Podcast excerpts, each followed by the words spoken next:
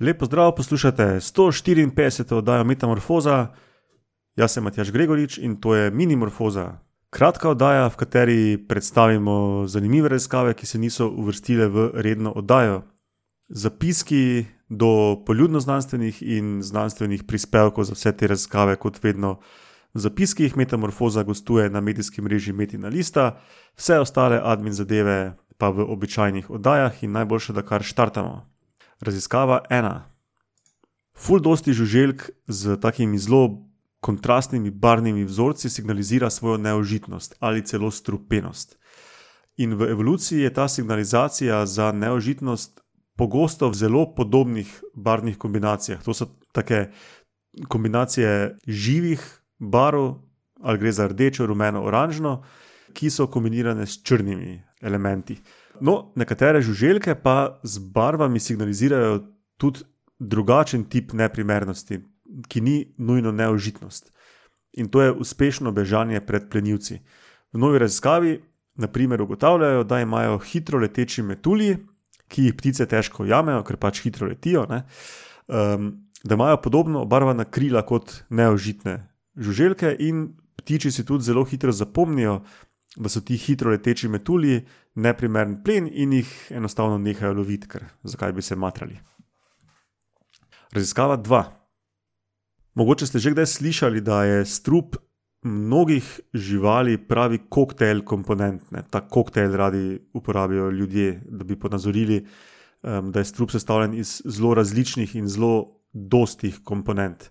No, v raziskavah so predvsem pomembne in raziskovane beljakovine v teh strupih, prezrte pa so še mnoge druge majhne molekule, ki so tudi sestavni del tega koktejla strupa. V novi raziskavi pa ugotavljajo nove podrobnosti o strupu morskih stožčastih pavžev, to je rod konus. Eh, ne samo, da je strup teh konusov izjemno učinkovit, vsebuje tudi majhne molekule, ki so podobne feromonom mnogoščetincev. Te molekule pri mnogoščetincih sprožijo paritveno vedenje. Kot si mislite, potem jih takšno vedenje naredi eh, bolj ranljive za plenilce in polži jih na ta način lažje ulovijo. Raziskava 3. Poznamo kar nekaj morskih psov, ki so danes razširjeni po morjih celega sveta, um, ampak kljub temu, da so tako razširjeni in da poznamo kar nekaj vrst, so pa po telesni zgradbi en drugemu vrste v bistvu precej podobne.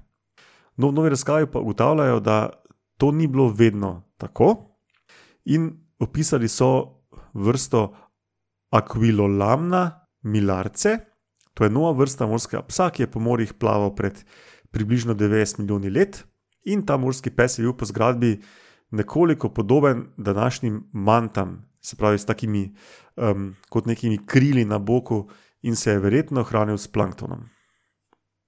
Raziskava 4. Vsi že vemo, da je padec tistega znanega meteorita pred 66 milijoni let povzročil ogromne spremembe na planetu. Ne? Dobro vemo, kako je ta dogodek spremenil združbe nekaterih živali, manj pa vemo o tem, kak vpliv je imel na združbe, kot so gozdovi. In v novi razkavi ugotavljajo, da je pestrost rastlin v gozdovih padla za približno polovico, ta nizka pestrost v gozdovih je trajala približno 6 milijonov let, zatem je pa na Zemlji začel nastajati gost, ki je podoben temu, ki ga poznamo še danes.